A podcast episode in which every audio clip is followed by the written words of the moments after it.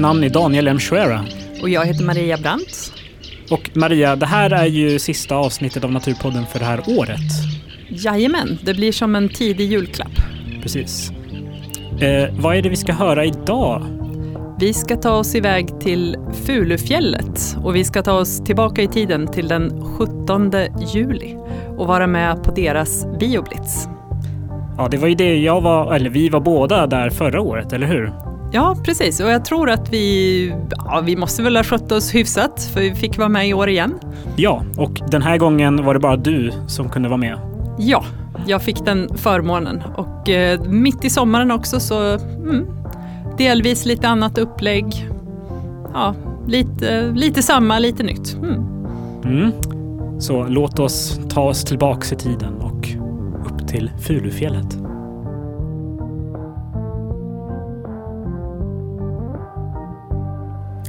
Hej! Hej! Du var här förra året, eller hur? Och organiserade Bioblitz. Vem är du? Sofia Tiger. Jag är här jämt. jag jobbar här eh, på Naturen Fulufjället i Fulufjällets nationalpark. Mm. Så nu kör vi igen.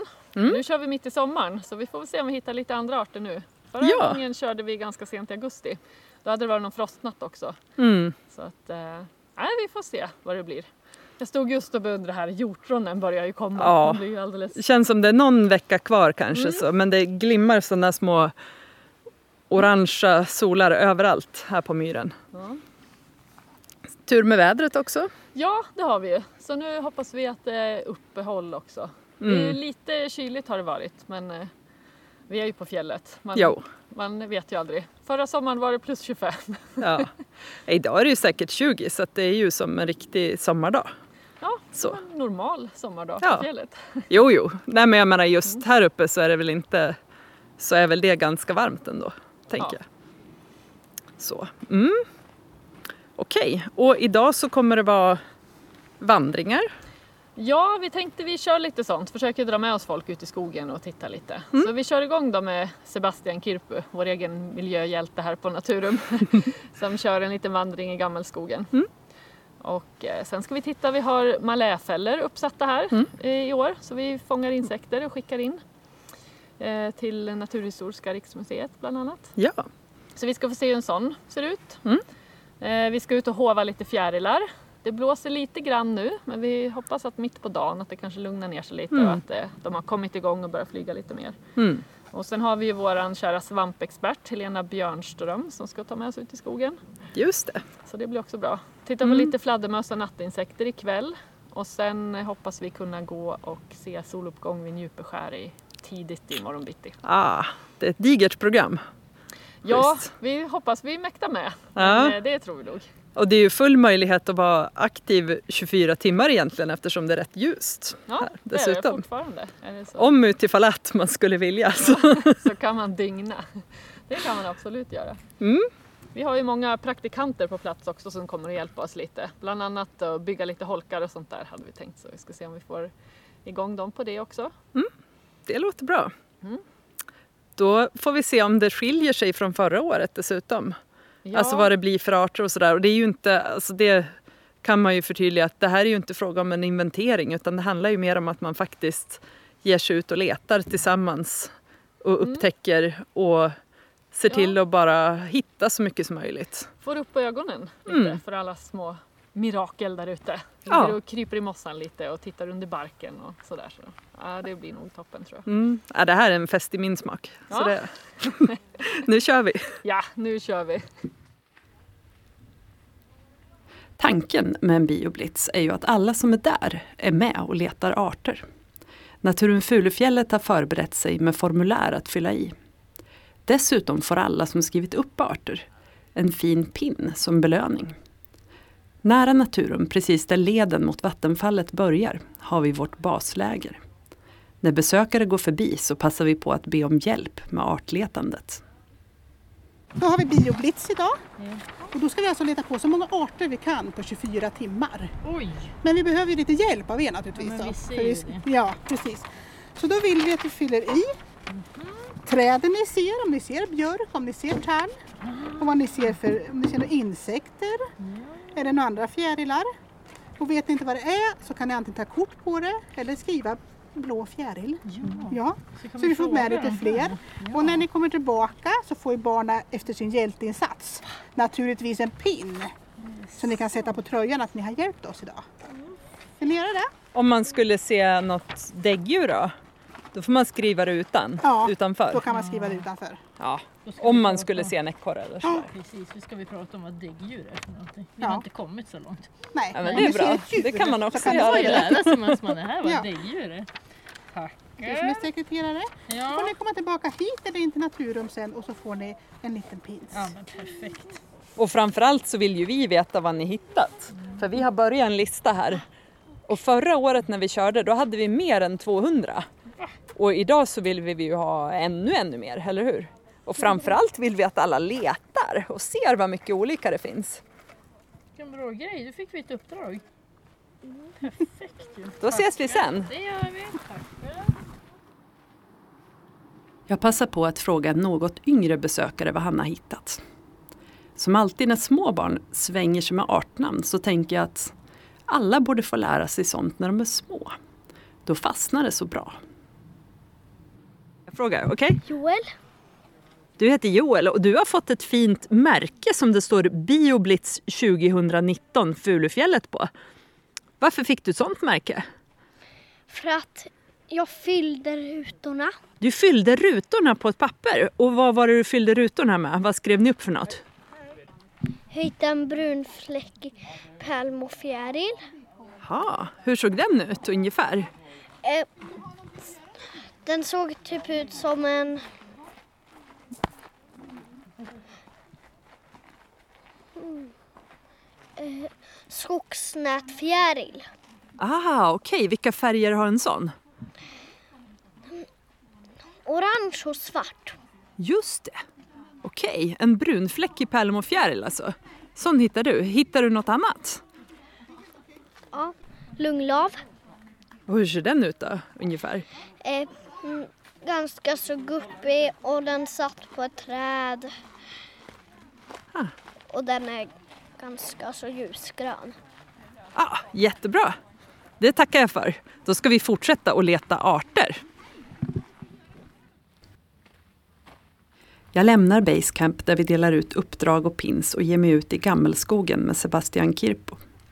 Redan när vi kommer in bland gammelgranar och hänglavar möts vi av nyfikna lavskrikor som vi matar med falukorv innan vi dyker ner bland mörkna lågor. Det är ju en gammal granlåga här som har eh, en fjolårsfruktkropp utav ostticka under. Då. Ticka, Ja. den där osten skulle inte jag vilja äta. Nej precis, den här är ju gammal så den luktar inte så mycket men den här är färsk. Då ska den lukta lite som någon, Oj, nu luktar det falukorv. ja exakt, som en sur ost eller någonting. Och eh, den här växer ju egentligen bara då i de här gamla granskogarna där man kan hitta de här häftigaste arterna då. Och hur känner man igen den annars om man nu skulle ha för mycket falukorv på fingrarna för att känna lukten av gammal ost? Ja, jag, alltså jag har ju lite svårt för det här med lukter. Eh, eller alla människor har olika luktsinnen. Ja, absolut. Och eh, vissa människor har, känner direkt de här typiska Mm. lukterna då. Medan jag tycker att det mesta luktar bara svamp. Ja. För svamp är ju en, en karaktärslukt som nästan alla känner igen. Mm. Men sen kan då vissa människor urskilja då små nyanser av detta som Mm. blir då till ost eller kokos eller Mm. vad det nu än är då. Eh, jag har aldrig riktigt känt den här ostlukten som folk pratar om. Men ja, det är därav namnet då. För att Ja. människor som har känt den har den här gamla ostlukten på den här svampen. Och den eh, växer bara på gamla granar. Mm. Gamla Såna döda- fallna lågor. Ja, precis. Döda granar som gärna kanske har barken kvar fortfarande också. Mm. När barken sedan är försvunnen då är det sällan Mm. man hittar oststicka på dem. Ja, och ser ut lite sådär som, ja, med lite god vilja. Den här gamla exemplaret då ser ju lite ut som man kan tänka sig ost som har Ja, eh, bakats i ugnen, ramlat av från det, sin ja. varma macka och Precis, smält ut lite precis. så. Men den är helt färsk, då är den ju i stort sett kritvit, lite gulvit kanske då. Ja. Och ganska tjock, det är som en valk, oftast på undersidan trädet. Okej. Den växer ju inte ut som, som andra tickor som har en, som, en, som, en, som, en, som en hatt kan man säga Mm. då. Den här växer alltid på undersidan av de här lågorna, liknande Mm. döda träden. Men det är en riktigt, riktigt bra art. Så hittar man en sån här art i, i skogen då är man i stort sett i hamn med att säga att den här skogen är skyddsvärd. Så Mm. viktig är den här arten då. Coolt. Ja, det är häftigt. Nej. kommer Laskrikan tillbaka med mer korv, men jag har ingen mer korv. Jag har, Du har en liten korv, jag bra. både ostticka och korv har jag. Kanon. Kom se. Ja. Kom för att vara med på podd. Ja, kom där.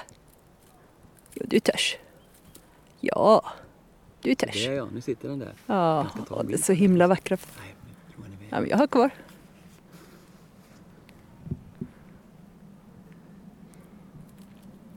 Jag tror han kommer tillbaka. Eller? Jo, det gör jag ju. Ja.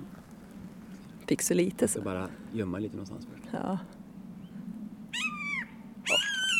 Oj, oj, oj, oj, oj! Oj, vad fint han ropar. Ropar på kompisarna, men så mycket korv har vi inte. Nu kommer den här. Kom där. Det är rätt nära och bra. Ja. Åh, vad söta de är. Oj, oj, oj. När de flyger iväg så ser man den här fina orangea färgen Ja, på vingarna visst. på stjärten.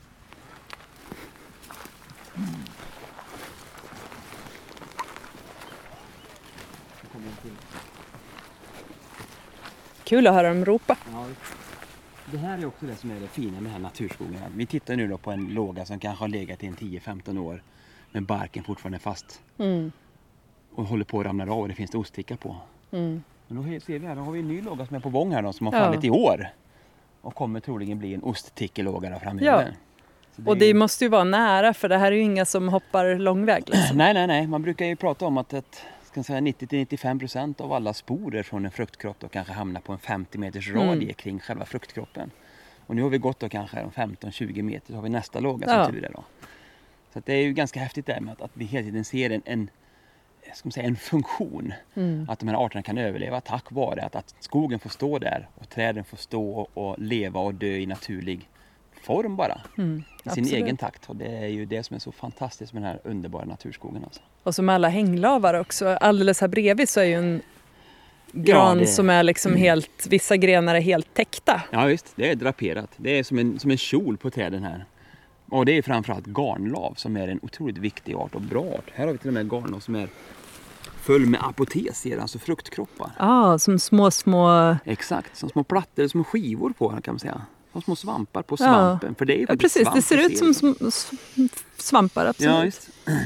Och det är ju också ett väldigt bra tecken när garnlaven har apotesier, då mår den absolut perfekt. Mm. Det är ungefär som vi människor, vi vill inte gärna föröka oss om vi har feber eller mår dåligt eller liknande. Utan det vi ska ha den fina kombinationen av god kärlek och, och en frisk kropp. Va? Så att, eh, ja, garnlav är ju en väldigt trevlig art och den är inte svår att hitta här och den finns ju överallt i de här gamla skogarna Mm. och tyder på att de här skogarna aldrig har varit kalhuggna. Då. Utan det här är urskogsartade skogar som har varit skog i många tusen år troligen. Mm. Bra signalart också, en sån här specialist kan man säga för naturskogens väsen. Och speciellt bra om man hittar den med fruktkroppar gissar. Verkligen, verkligen. Som om min kamera skulle... Ja, precis. Tack. Så. De fattar ju aldrig annars. De Sista dagarna här så har vi haft lite kul för då är det en hel del bändelkorsnäbb som har flugit omkring. Okej. Så vi kan se ifall vi, det kommer några korsnäbbar flygandes nu då. Jag har Ja. hört flera stycken bändelkorsnäbbar under dagarna här som varit. De sitter och tutar så där fint. Mm. Vi ska se. En.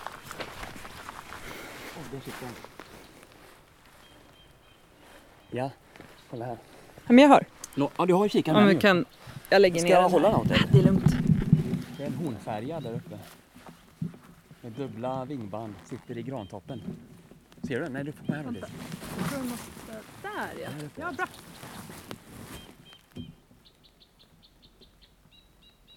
Ser du den dubbla? Just det. Häftigt.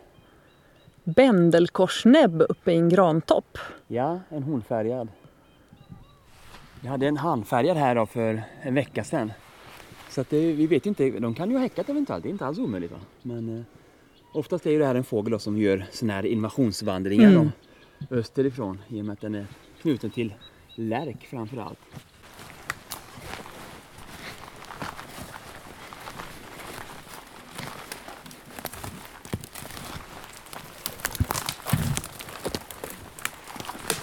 Ja, har vi en ganska trevlig art faktiskt. Lite lagom brötigt så här. Ja. Dödved är det ingen brist på här. Nej, verkligen inte. Men här har vi ju den här fina bruna mattan kan man säga, eller skinnet, eller valken på den här granen som har fortfarande barken kvar igen. Och eh, det här... Ser ut som den har rostat nästan. Ja, lite exakt. grann. Visst. Eller att det är någon som har som säger, lagt någon typ av choklad eller någonting på Mm. den. Och det här Ja, är... lite pudra kakao lite så. Ja, exakt. Och det här är en, en ticka som heter ullticka. Ullticka. Ja, det är också en rödlistad art liksom osttickan men Mm. inte lika högt upp på rödlistan. Alltså inte en hotad art utan en nära hotad art. Ja. Men en indikator på att det är värdefullt. Absolut, en Så. väldigt bra indikator faktiskt. Kräver ju då död granved. Och eh, visst kan man hitta död granved även i planterade granskogar men Mm. det finns inte så mycket av det så att man skulle kunna hitta ulltickan igen då. Nej, och sen är det ju också det att den döda veden får ju inte ligga på ett hygge ett tag för Nej. att sen återplanteras det Nej, och sen, precis. utan det handlar ju om en kontinuitet i fukt Exakt, och exakt. Ett mikroklimat täckningsgrad. Liksom. Ja. Och det roliga med den här ulltickan är att, att den har ju porer. Den ser ut som ett skinn på håll. Men när man tittar på den i en lupp, Mm. då kan man se porerna. För porerna är så små så man ser dem inte med blotta ögat.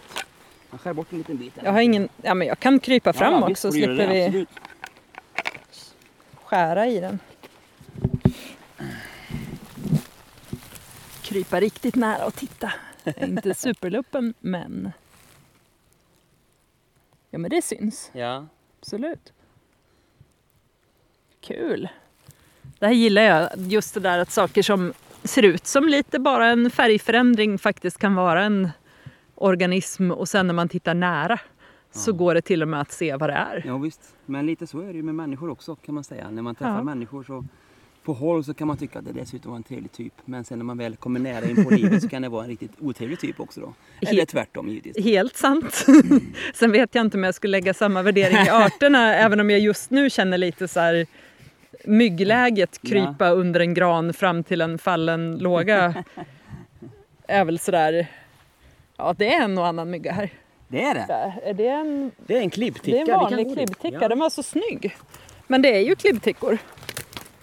Klipptickan är ju faktiskt en ganska viktig art i skogen. Det är ju en av de få arterna som faktiskt rår på att angripa då levande träd. Ja, och som får dem att falla sen Precis. och liksom Och röta på dem. en nedbrytningsprocess som är viktig för många andra arter.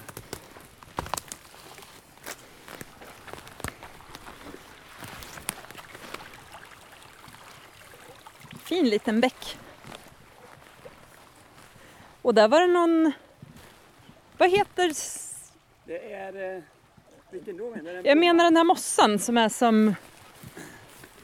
Hey, det Ja, är en det är lever... lungmossa. Lungmossa. Ja.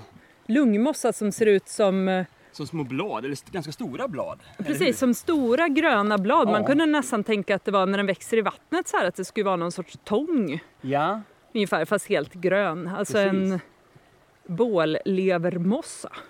det är det nog. Det är en stor nerv också på den. Så Ja. det ser ju verkligen spännande ut och fint. Det växer en liten gul svamp där. Vi får försöka ta dit Helena sen och kolla Ja, men det måste vi göra. Hoppa ner i bäcken och... Ja.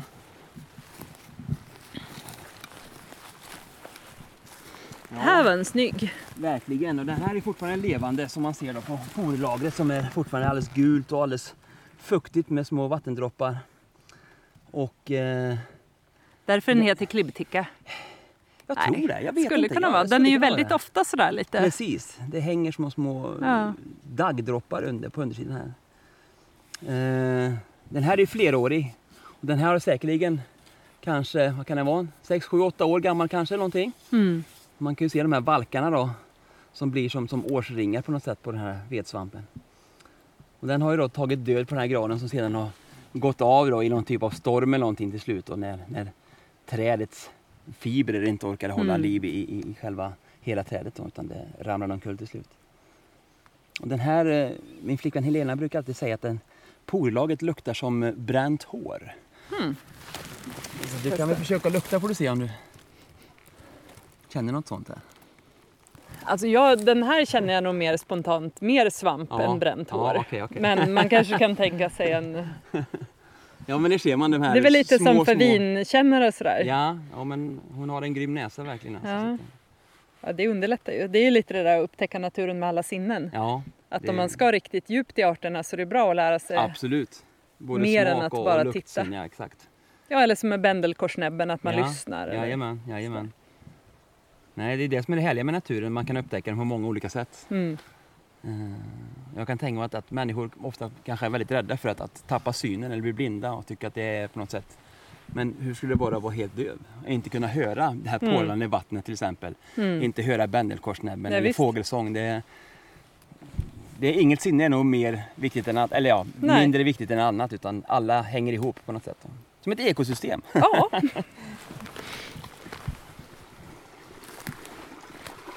Det är ju alltid roligt att vara framme vid vattendrag, alltså små Mm. bäckar och grejer. Och här är ju i stort sett alla bäckar drickbart vatten. Mm. Vilket är, jag tycker det är fantastiskt att kunna få vara ute i naturen och bara ta av det som naturen Ja. har och få känna smaken av det. Återigen Absolut. ett nytt sinne på något sätt. Va? Och sen det här ljudet, porlande lätet och sen att det blir en helt ny typ av vegetation när man kommer Mm. nära vatten. Här har vi då mer gräs av olika slag. Vi har eh, snörblomma, vi har eh, humleblomster. Sen har vi då eh, skogsnäva, hultbräken och ekbräken. Så att man ser det lite mer frodigt här, Mm. lite mer grönt än bara blåbärsris. jo, bäcken håller ju öppet lite också Ja. så att det finns lite mera ljus ner. Visst, jag måste nästan smaka på det här vattnet tror jag.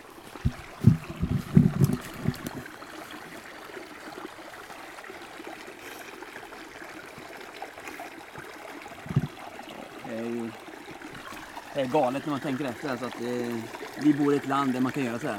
Mhm. Nu är det mer rosentickor här. Åh, de är så fina. Ja, visst är de. Med Kolla. dropparna på också. Små nätta tickor, verkligen. Verkligen. Jag måste ta en bild på den här tror jag.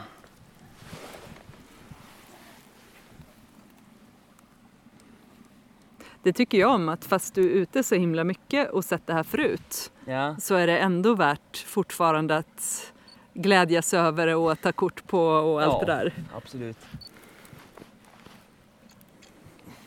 Det är något visst att få, att få någon typ av relation till olika arter. Mm. Och den relationen vill man inte gärna bryta när arterna visar sin skönhet så fint då. Nej. Och man får uppleva dem i den här fantastiska naturen.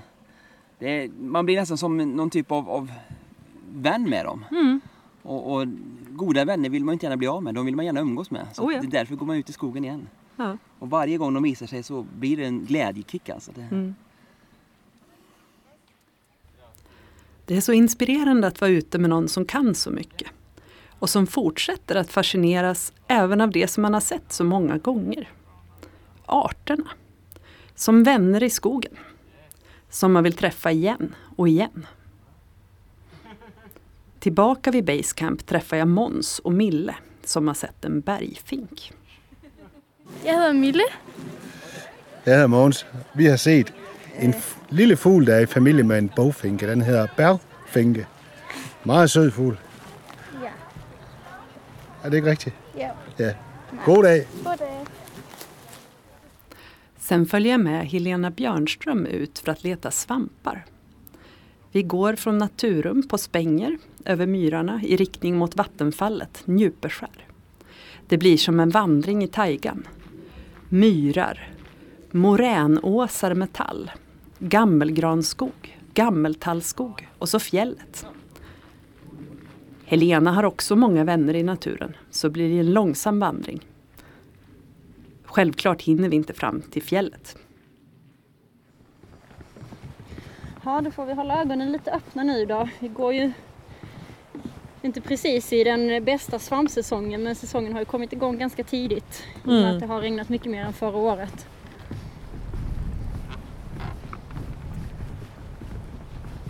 Det som jag gillar med att gå härifrån Naturum bort mot vattenfallet det är ju att man får en liten vandring i taigan kan man säga. För att man får både här äh, gammelgranskogen, man får... Här var det någonting. där! Ja, ska vi se, det är En krämla. stinkkrämla kanske? Ja.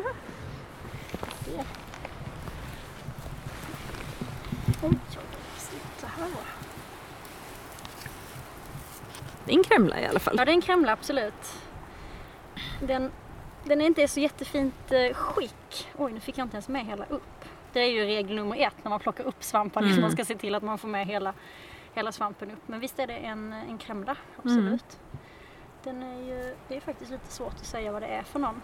Men eh, det som är speciellt med kremlorna det är ju att de har de här olika färgglada hattarna.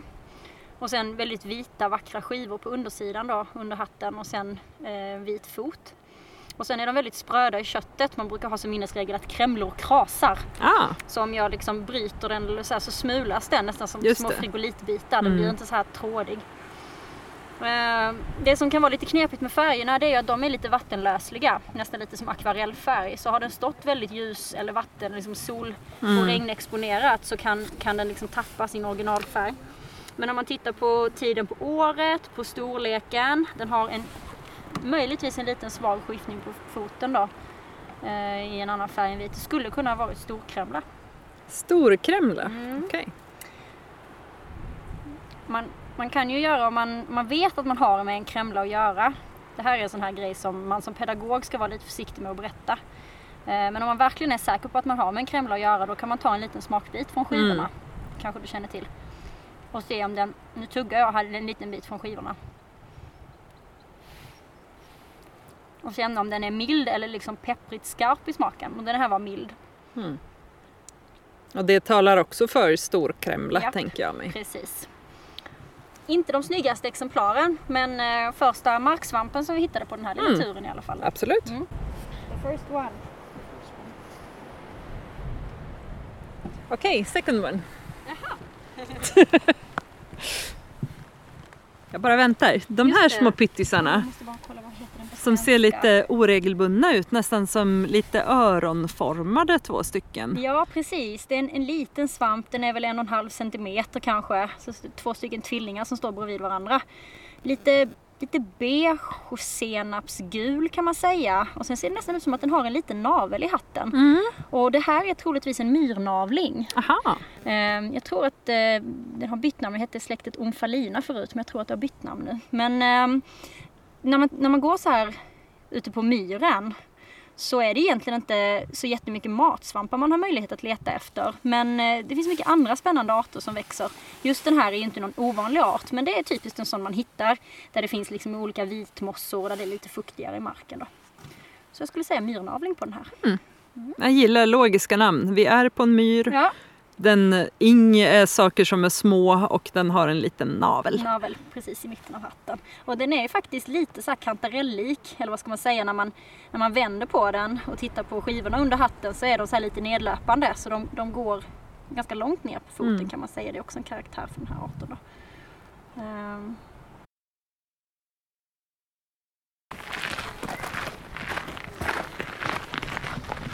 Men det var ju lite som, som jag påbörjade där innan vi hittade första kremlan. Att jag tycker det är så häftigt med den här äh, vägen eftersom man får myrarna, man får de här moränåsarna med tall. Man får gammelgranskog, gammeltallskog, fjällbjörkskog och så fjället. Så att man får den här vandringen i Ja. tajgan på en väldigt kort sträcka. Visst.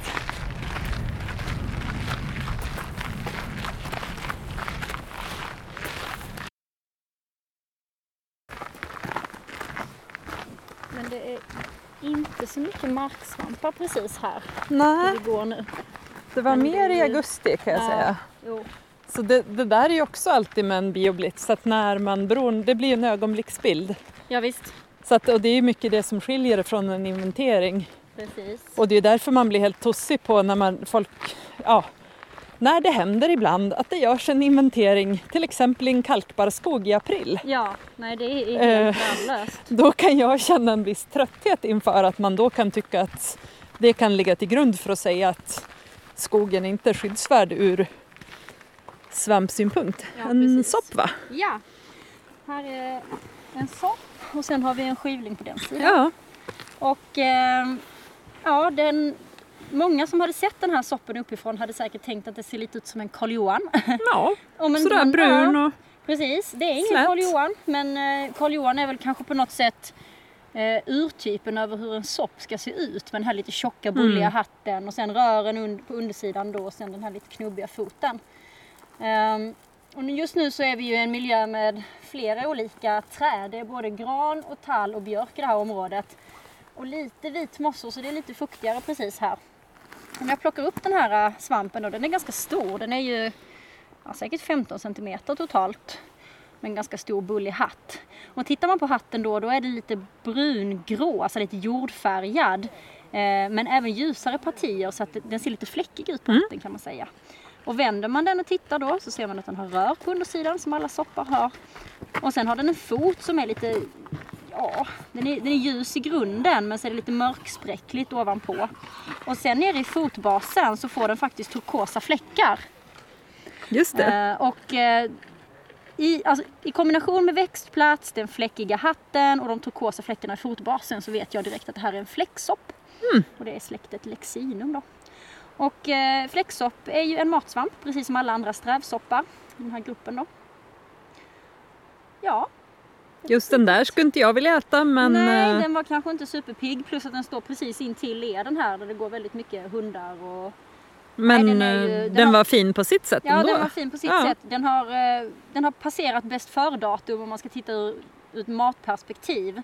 Men jag skulle ändå säga att den, det är en väldigt tydlig fruktkropp. Jag tycker Mm. att den är en väldigt tydlig fläcksopp. Ja, och ur ett bioblitsperspektiv då Ja, så duger den ju gott. det gör den absolut. Så. Den ska registreras precis som alla andra Finemang. svampar. Mm. Den här då? Ja. Och där ligger en tuggummisvamp bredvid. Ja, typ. precis. Ja, men nu ser jag vad det här är för någonting. Det här är en ganska rolig svamp faktiskt. Okej. Eh, Jag plockar upp här i, i, i vitmosshavet så står det en, en svamp som har eh, lite brunlila hatt kan man väl säga. Och eh, skivor på undersidan och en, eh, en fot som har lite gula och röda inslag. Det är väldigt svårt att beskriva den här. Den heter faktiskt rabarbersvamp. Och Ja, den- det är en färgsvamp va? Ja, nej, ja, Nej? jag Jo. vet faktiskt inte om man kan ha den för att färga, om du tänker för garnfärg Jo, eller sådär. Ja, men det men kan det man. stämmer kanske då Ja. att det är en färgsvamp. Ja, kanske inte den måste lösas ut med teröd och allt vad det är, men ja. Ja men precis. Men jag tror framförallt att den har fått namnet rabarbersvamp eftersom den har så här lite, precis som rabarbern på stammen, lite blanka, brokiga färger. Mm. Och det har den ju faktiskt, den skimrar lite grann på hatten. Eh, och sen har den mörka sporer och det syns nu när skivorna börjar bli lite, alltså svampen börjar bli lite äldre i sin livscykel så ser man att den börjar få lite svarta nyanser på, på foten då. Eller förlåt, på skivorna. Så det här är en, en art som heter rabarbersvamp. Och den, den har väl stått och knackat på lite grann eh, för att få vara med som matsvampar men det räknas fortfarande inte som matsvamp i Sverige då. Men jag har hört att den ska bli alldeles lila i stekpannan om Okej. man då skulle tillaga den ändå. Så det var ju lite kul med rabarbersvamp. Oj, vilken snygg! Vem är det? Ja, det här är en vitmosslav. Vitmosslav. 80-talslaven som min kompis David kallar Jaha. den. Och jag kallar den för Ahlgren, Ahlgrens bilarlaven. Så här mintgrönt. Ja, Ahlgrens bilargrön. En liten skorplav som är mintgrön med typ aprikosrosa fläckar. Ja. Jag tycker det är verkligen Ahlgrens bilarfärgerna. Ja. Vitmosslav alltså. Ja, vitmosslav. Coolt. Nej men vi står ju bredvid en, eh, en väldigt hög silverfura nu, alltså en gammal död tall. Och den här tallen var ju troligtvis kanske 400-500 år när den dog. Och sen har den stått och torkat på rot. Barken har ramlat av, den färska splintveden har ramlat av och det som är kvar är kärnveden. Väldigt, väldigt hård, solid, silvrig ved som kommer stå här i säkert hundratals år till alltså. Och eh, för kanske 150 år sedan så har det dragit förbi en skogsbrand här så att det är kolad silverved som vi tar på nu med våra fingrar. Jag skrapar lite här och då blir min tumme alldeles svart så man kan säga att jag håller på 150 år i skogshistoria här på mitt finger. Och på den här platsen finns det ju inga foton för 150 år sedan. Och när den här kolade silverveden är ungefär 100 år gammal då kan en, en rödlistad lav som heter kolflanlav växa. Så för att återskapa en växtplats för kolflanlaven måste först trädet, alltså tallen då bli kanske 3, 4, 500 år och utveckla tillräckligt mycket kärnved. Sen ska den stå och dö och sen ska det komma skogsbrand och sen ska den stå igen. Och sen då när kolet är ungefär 100 år gammalt så kan den växa. Så det kanske tar 800 år att återskapa en växtplats för den här laven. Den naturvårdsplanen är lite svårt att fixa Ja, till. med tanke på att vi hugger ner tallar idag när de är kanske mellan 70 och 90 år så Mm. eh, har ju inte kolflanlaven en chans. Och även att vi kontrollerar de skogsbränder som kommer då. Och så fanns det flera rödlistade arter här på samma. Ja precis. Eh, de andra arterna som sitter här de är inte lika beroende av just kolad silverved men däremot själva silverveden i sig. Och då sitter det bland annat den här illgröngula eh, varglaven. Ja, precis. precis. Och så sitter det en art som heter vedflamlav och en art som heter vedskivlav. Och alla mm. de här, precis som kolflamlaven, är både rödlistade och signalarter. Då. Och allt det här på en, bara en sån här, på sätt och vis i rummet väldigt liten plats, i precis. tiden väldigt lång. Precis. Så att mm. Eh, jag brukar stanna här när jag har guidade turer och prata om eh, de här lavarna och låta människor eh, dofta på den här speciella silverveden och att man verkligen förstår att man, man går i ett skogsmuseum när man mm. är här ute. Det är många som bara går förbi den här men jag tycker det är fantastiskt vackert träd alltså. Och det är lite häftigt för när man tittar på taiga på avstånd, alltså den här naturtypen som vi har här uppe, då är ju den ursprungliga taigan egentligen gröngrå. Just mm. för att de här äh, döda silverfurorna och de döda torrgranarna de ger ett väldigt grått intryck då och sen blandar man med de gröna barren på levande tallar och granar. Så att eh, en gröngrå färg på avstånd, otroligt vackert. Tidsperspektiven är svindlande. 800 år för att få till en bra växtplats för kolflarnlav. Vi går tillbaka till Basecamp för att skriva upp det vi hittat. Harry och Felix vill berätta om sina fynd.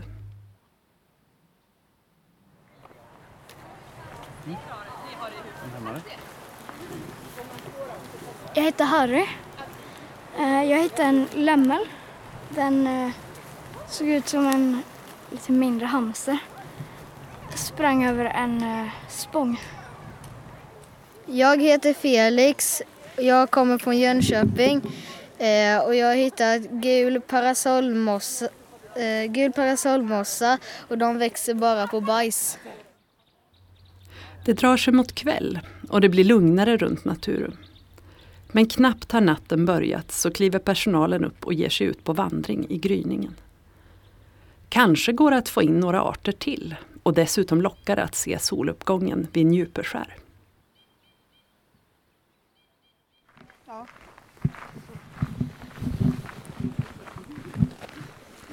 Nu är klockan kvart över tre på morgonen.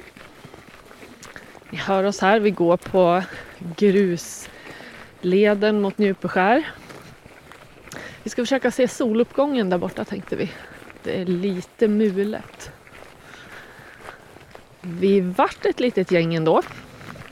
Sebastian Kirpu leder oss och eh, bakom kommer våran praktikant från Tyskland, tre av våra praktikanter från Frankrike en besökare från Belgien som faktiskt jobbar i en nationalpark där. Och sen är det ju vi andra som jobbar på Naturum. Det är jag, Sofia och Marie. Så nu kommer vi ut på myren här. Det är fortfarande ganska tyst. Jag tror inte fåglarna har vaknat riktigt än. De kanske börjar tjattra eftersom vi går. Passerar vi en liten bäck här.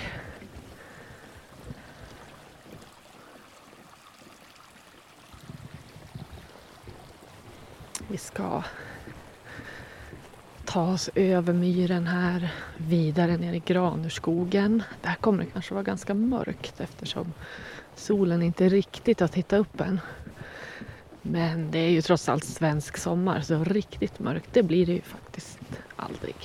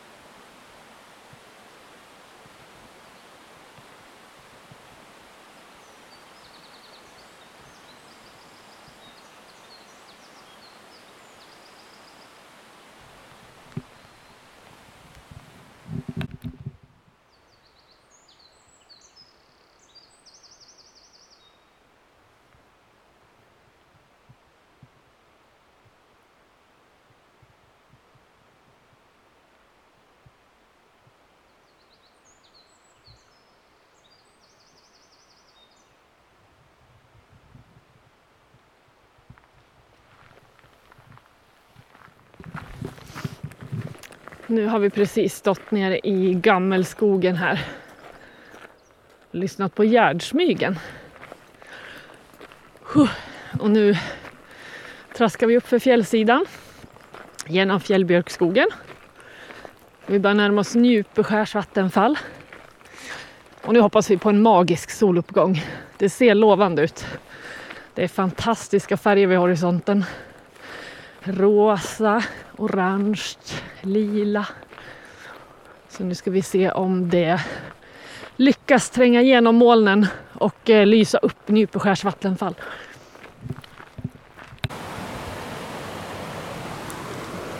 Så, nu närmar vi oss Njupeskär. Det här är alltså inte en eh, taskig eh, mickföring av en amatör utan det är bruset från ett vattenfall som ni hör i bakgrunden. Vi går upp mot eh, Njupeskär och det är väldigt eh, molnigt. Men det är fantastiska färger bakom oss så vi ska skynda på fram till fallet och sen vända på oss. Och förhoppningsvis få se alla fantastiska färger igen. För just nu är vi nere i Njupeskärsravinen så 90 meter höga väggar av sandsten tornar upp sig på sidorna. Sandstenen är rosa, beige, lila, röd. Men eh, så växer det kartlav på den. Som är alltifrån ganska ljusgrön till riktigt neongrön där den är våt.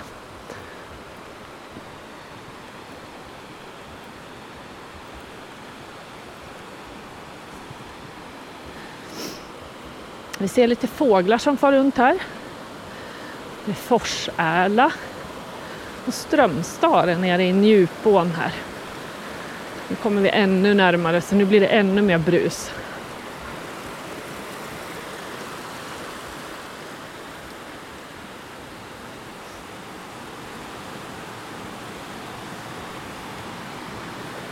Jag tror inte vi ska gå ända fram till Njupeskär dock. Det vet jag inte om den här utrustningen klarar av. Då kanske jag får skäll.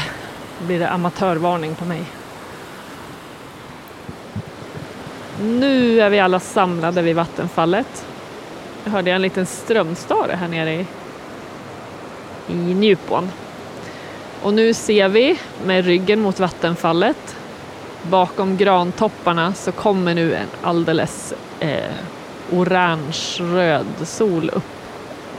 Så vi får hoppas att den eh, strålarna når in och kan färga Njupeskär till guld som det brukar det brukar bli av det här fantastiska morgonljuset. Klockan är 4.20 på morgonen. Och solen är dold av eh, moln men eh, det här orangea ljuset bryter igenom i alla fall.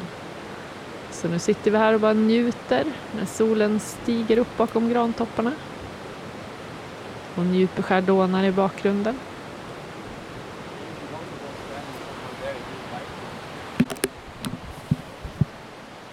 Är ni igång eller? Ja.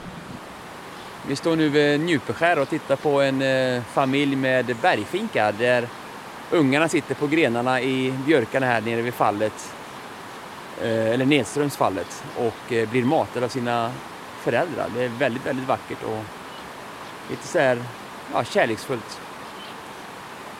Och det är gryning, solen har precis gått upp och det brusar i vattenfallet. På vägen eh, tillbaka från Fulufjället, eller ja, från Njupeskär menar jag ju givetvis då. Eh, så dök även Forsäleparet upp och eh, visade sig väldigt vackert.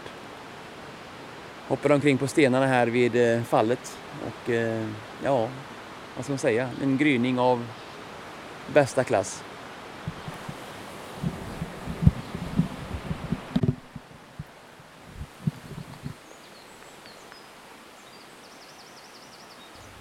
Jag bangade gryningsturen men drog ut i skogen med Sebastian tidigt på morgonen och fortsatte leta.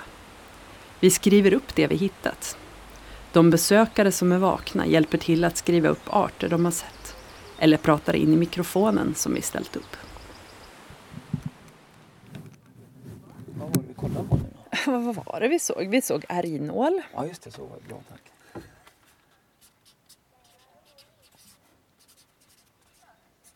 Härgnål och sen så har vi eh, vitgrynig. Nålar. Nu Mm. lite sån där Och, så, precis, ja. Ja, eh, och sen hörde vi småspov just det. Ja, bra. och vi hörde kungsfågel. Småspov. Ah, Kungsfågel börjar på K. Ja. just det. Ehm, Kungsfågel. Och sen hade vi, det var en lite mossor som vi inte har Ja, tagit till exempel. Alltså sånt som man kommer på nu som Just det, ja. husmossa. Ja. Jag tror jag skriver här borta. Får vi se. Ja. Västlig hakmossa. Bra, bra. Det ligger, en liten, det ligger en liten instruktion där på Ja. Tre minuter kvar. Okay, awesome. well, Nivi. yes. Okay, vad står det här? Nice. Uh, Naturopod. What is your name? What have you found? Describe it and tell something about it. Oh wait, wait, wait. You you do it first. I film you. Ja, jag ska jag göra först. Uh, Okej. wait. Yeah, okay. We Okej. don't- we don't have Um, time eh, are you ready? No.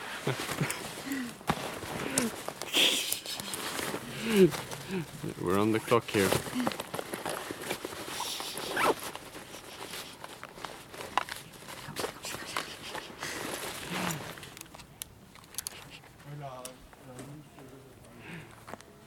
Yes. Okej.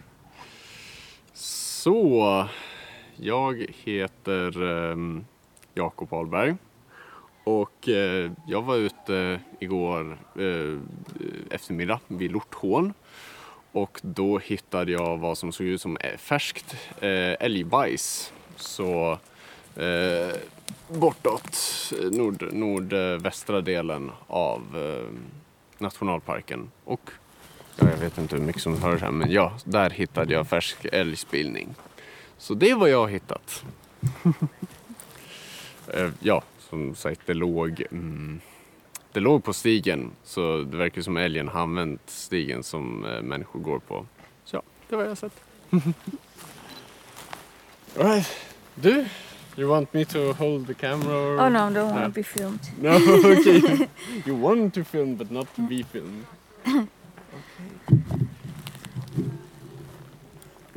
Ja. Øh, nej. Jeg hedder Nivi Johansen, og i går så jeg en storlom oppe på søen og spiste en fjeldørred. Fj- Fjällrädding. Fjeldrøding. Mm. awesome! Øh, ja, Cool! Awesome! Vi hann! We made it! Yes! Cool! So yeah, it's uh, yeah, it's one minute to Wow. ten. Woo! awesome! Cool. Very good. We should should uh, you just managed to get the camera out. Nu är klockan slagen, eller hur? Ja, nu är det, nu är det slut. Nu är det slut. Nu gick vi i mål. Ja, nu kan man bara blunda för alla arter man ser. De räknas inte. Nej. Eh, Det gick ju bra det här, eller hur? Ja, det Hur tycker många jag. vart det till slut? Sebastian, du som är- 189 på listan. 189 på listan. Mm.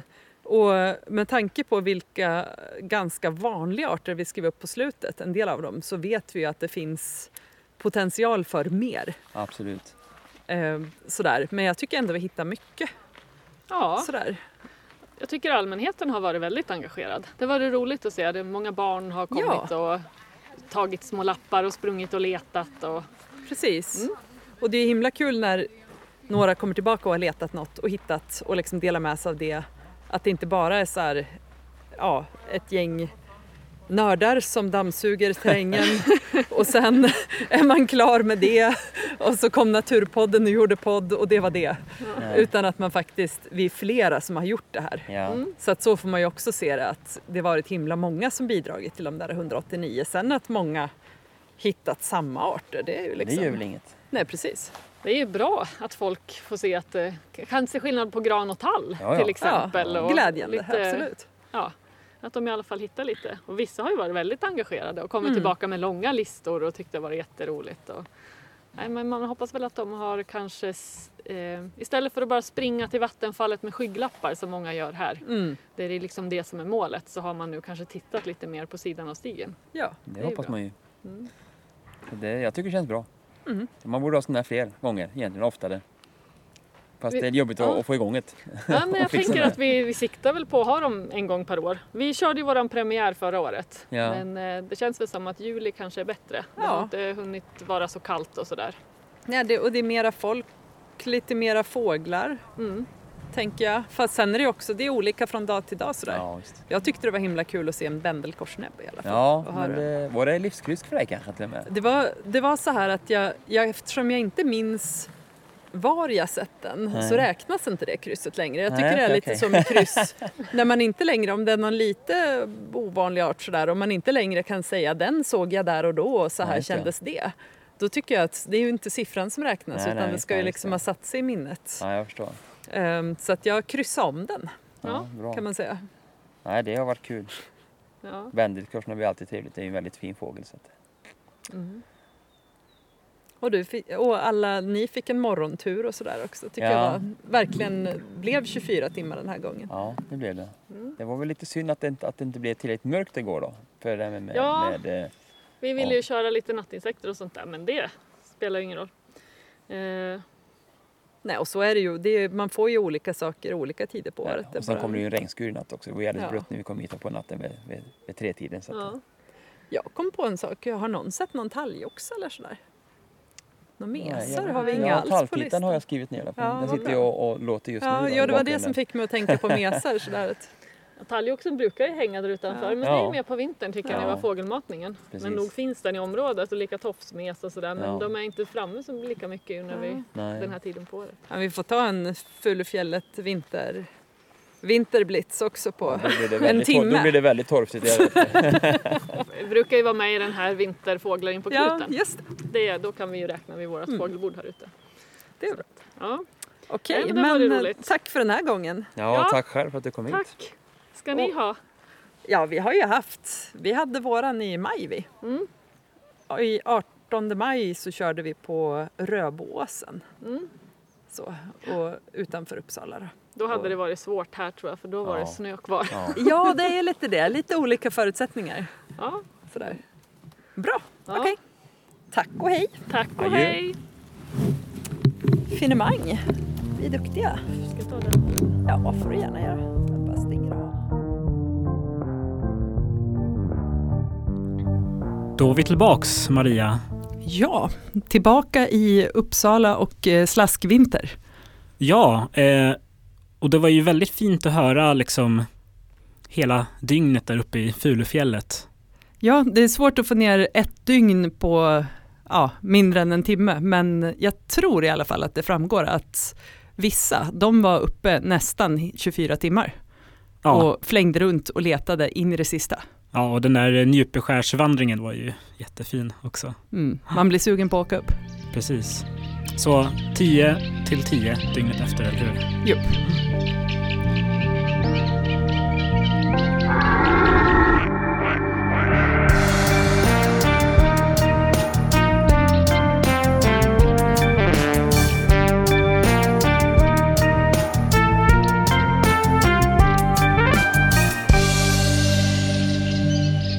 Ehm, ja, som sagt, det här är ju sista avsnittet för året Mm. av Naturpodden.